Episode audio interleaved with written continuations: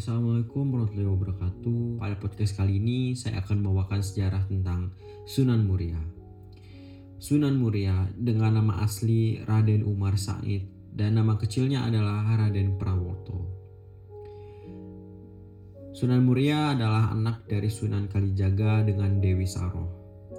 Bertempat tinggal di Gunung Muria, tepatnya di Puncak Colo, terletak di sebelah utara kota Kudus. Sunan Muria adalah wali yang kuat dan sakti, terbukti dengan lokasi tempat tinggalnya yang berada di puncak gunung. Sama dengan ayahnya, beliau menyampaikan dakwahnya secara halus. Beliau dikenal dengan pribadi yang mampu memecahkan berbagai masalah sehingga sering kali dijadikan penegah dalam konflik internal di Kesultanan Demak.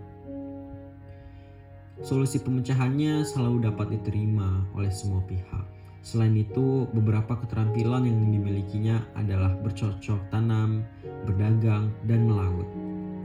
Dengan kepribadian yang baik, beliau sangat disegani oleh banyak masyarakat karena mampu berbaur dengan masyarakat. Silsilah Raden Umar Said disebutkan dalam berbagai versi. Pertama, menurut ahli sejarah Nur Cahyo dan Solihin, yaitu pernikahan Sunan Kalijaga dan Dewi Saroh memperoleh tiga anak, Raden Prawoto, Dewi Rukaya, dan Dewi Sofia. Versi kedua dari karya Darmo Wasito, Putoko Darah Agung tentang sejarah dan silsilah wali dan raja-raja Jawa menyebutkan beliau adalah putra Raden Usman Haji dengan keturunan Tionghoa. Berikutnya, menurut buku dari Profesor Dr. Slamet Mulyana yang berjudul Runtuhnya Kerajaan Hindu Jawa dan Timbulnya Negara-Negara Islam di Nusantara, bahwa Sunan Kalijaga adalah seorang kapitan Tionghoa bernama Gan Si Chan. Namun Sunan Muria tidak mahir bahasa Tionghoa karena sudah lama berbau dengan masyarakat Jawa. Yang terakhir, berdasarkan karya Umar Hashim, Sunan Muria, antara fakta dan legenda dikumpulkannya sejumlah pendapat ahli sejarah dan mengandalkan penafsirannya dalam menelusuri jejak Sunan. Hasilnya, Umar lebih pada Raden Umar Said sebagai anak dari Sunan Kalijaga. Sunan Muria menggunakan metode kesenian dalam menyampaikan dakwahnya, yaitu menggunakan gamelan dan wayang. Beliau menyebarkan agama Islam kepada masyarakat pedagang, nelayan, pelaut, dan rakyat jelata dengan cara yang halus. Tidak hanya dari media itu, Sunan juga menciptakan tembang Jawa seperti Sinom dan Kinanti. Dalam pewayangan diselipkan cerita islami dan dikombinasikan dengan alunan gamelan menjadikan penonton antusias dalam mendengarkan dakwahnya. Tidak hanya itu, pada tembang yang diciptakannya pun dibuat dengan lirik tentang ajaran agama. Dengan cara tersebut, masyarakat menjulukinya Sunan yang suka berdakwah Topongeli, yaitu dengan menghanyutkan diri dalam masyarakat. Tempatnya dalam mengajari agama Islam berada di sekitar Gunung Muria, kemudian diperluas hingga Tayu, Juwana, Kudus, dan lereng Gunung Muria. Asal-usul nama beliau pun diambil dari tempat tinggal dan tempat dakwahnya. Keistimewaan atau karomah yang dimiliki Raden Umar Said ialah benda bekas peninggalannya.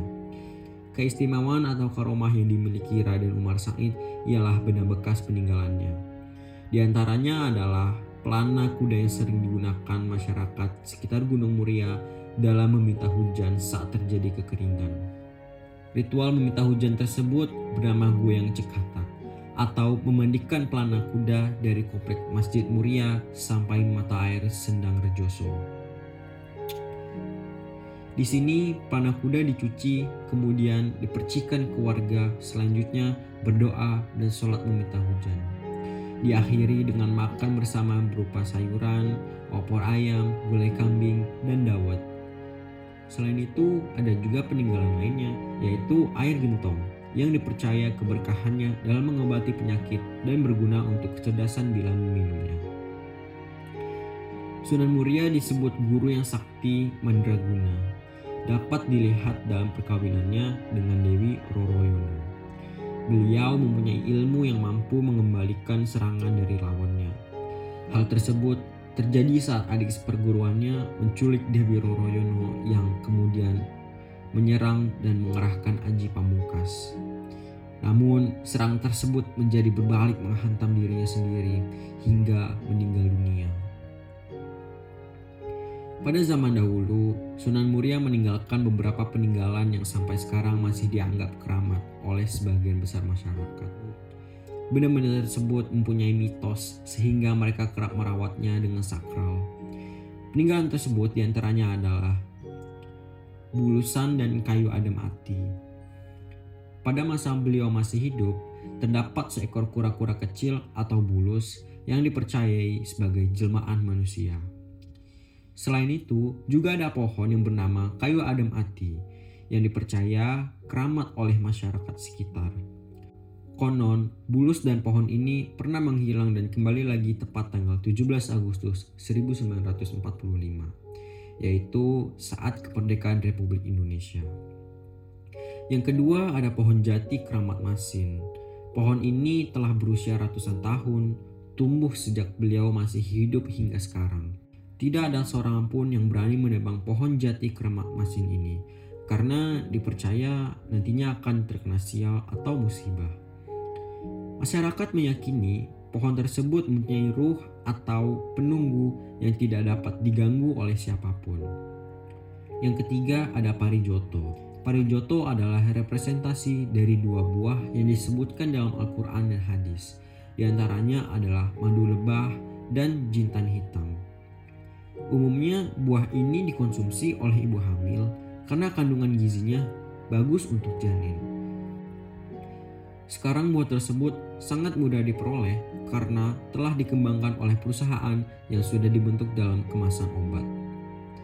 Yang keempat ada pakis haji dikenal juga dengan nama sikas, merupakan salah satu tumbuhan yang dapat digunakan sebagai pengusir hama yang merusak tanaman padi dan sampai sekarang masih digunakan oleh sebagian besar masyarakat. Yang kelima ada situs air gentong keramat. Situs air ini terletak di dekat pemakaman Sunan Muria. Biasanya para peziarah ditawari oleh kuncen untuk membawa air gentong keramat tersebut. Konon, air ini dipercaya masyarakat dapat mengobati berbagai macam penyakit. Sunan Muria wafat pada tahun 1551 Masehi dan dimakamkan di Kudus di area Masjid Muria dan sekarang menjadi peninggalan bersejarah. Keunikannya dalam berdakwah yaitu memanfaatkan kesenian menjadikan agama Islam mudah diterima dalam masyarakat. Sampai saat ini, beliau masih dikenang masyarakat luas terbukti ramainya kunjungan Masjid Muria untuk beramai-ramai mendoakannya. Yang perlu ditekankan pada manusia saat ini adalah tetap melestarikan peninggalan sejarah pada zaman dahulu, merawat sumber daya yang dimiliki tanpa merusaknya, merupakan wujud syukur atas semua karunia yang diberikan Allah. Atas perjuangannya dalam menyebarkan agama Islam, sangat patut dihargai dan diteladani Sekian sejarah tentang Sunan Muria yang bisa saya sampaikan. Semoga kalian tetap dalam lindungan Allah Subhanahu wa taala. Tetap jaga kesehatan, jangan lupa pakai masker ketika keluar rumah dan cuci tangan. Bilahi taufik wal hidayah. Wassalamualaikum warahmatullahi wabarakatuh.